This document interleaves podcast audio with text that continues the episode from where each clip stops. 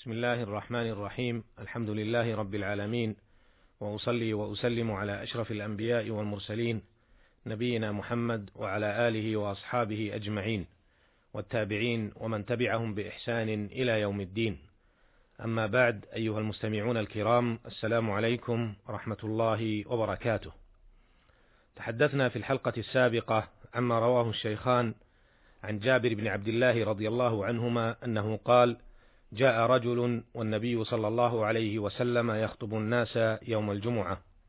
فقال أصليت يا فلان؟ قال لا. قال قم فاركع ركعتين. وفي رواية فصلي ركعتين. كما تحدثنا عن حديث عبد الله بن عمر رضي الله عنهما أنه قال كان رسول الله صلى الله عليه وسلم يخطب خطبتين وهو قائم يفصل بينهما بجلوس. وعرفنا ما في هذين الحديثين الجليلين من أحكام تتعلق بخطبة الجمعة. وفي هذه الحلقة نتحدث عما رواه الشيخان عن أبي هريرة رضي الله عنه أن النبي صلى الله عليه وسلم قال إذا قلت لصاحبك أنصت يوم الجمعة والإمام يخطب فقد لغوت وما رواه الشيخان عن أبي هريرة رضي الله عنه أن النبي صلى الله عليه وسلم قال من اغتسل يوم الجمعة ثم راح في الساعة الأولى فكأنما قرب بدنه ومن راح في الساعة الثانية فكأنما قرب بقرة ومن راح في الساعة الثالثة فكأنما قرب كبشا أقرا ومن راح في الساعة الرابعة فكأنما قرب دجاجة ومن راح في الساعة الخامسة فكأنما قرب بيضة فإذا خرج الإمام حضرت الملائكة يستمعون الذكر.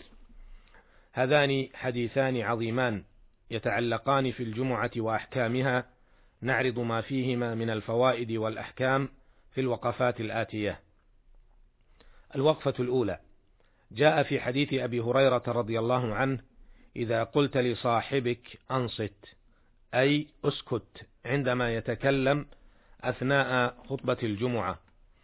وقال أيضا: فقد لغوت، لغى كغزى، أي أتى بقول ساقط لا فائدة منه، والمعنى أنه أتى بما ينافي سماع الخطبة، كما سيأتي بيانه مفصلا بإذن الله. الوقفة الثانية جاء في حديث أبي هريرة رضي الله عنه قوله: ثم راح في الساعة الأولى. راح تأتي بمعنى السير في آخر النهار، كما تأتي بمعنى مطلق الذهاب، وهو المراد هنا. ولذا أريد بها الذهاب في أول النهار لصلاة الجمعة. وقوله فكأنما قرب بدنه قال الحافظ ابن حجر رحمه الله أي تصدق بها متقربا إلى الله تعالى.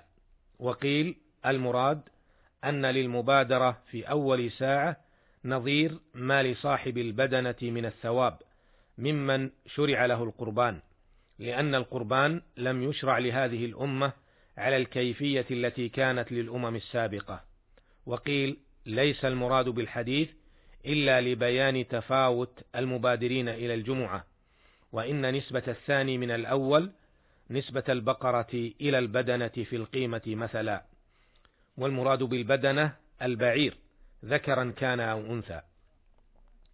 قوله ومن راح في الساعة الرابعة فكأنما قرب دجاجة.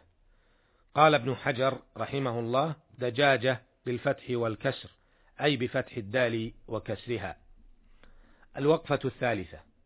دل حديث أبي هريرة رضي الله عنه على وجوب الإنصات لخطبة الجمعة وأن الكلام أثناء الخطبة يحرم ولو كان قليلا.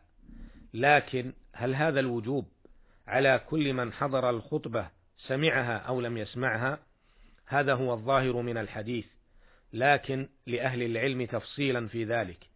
فقد ذكر الإمام ابن قدامة رحمه الله تعالى الاتفاق على أن الكلام الذي يجوز في الصلاة يجوز في الخطبة كتحذير الأعمى من الوقوع في بئر. واستثنى بعض أهل العلم أيضا من كان لا يسمع الخطيب لبعد فإنه لا ينبغي له السكوت بل يشتغل بالقراءة والذكر. أما من به صمم أو لا يفهم لغة الخطيب فلا ينبغي أن يشغل من حوله بالجهر بالقراءة ويكون ذلك فيما بينه وبين نفسه. ومما يستثنى أيضا ما سبق معنا في حلقة سابقة وهو من يخاطب الإمام أو يخاطبه الإمام كما في حديث الرجل الذي دخل المسجد وجلس ولم يصلي ركعتين فأمره النبي صلى الله عليه وسلم بألا يجلس حتى يصلي ركعتين.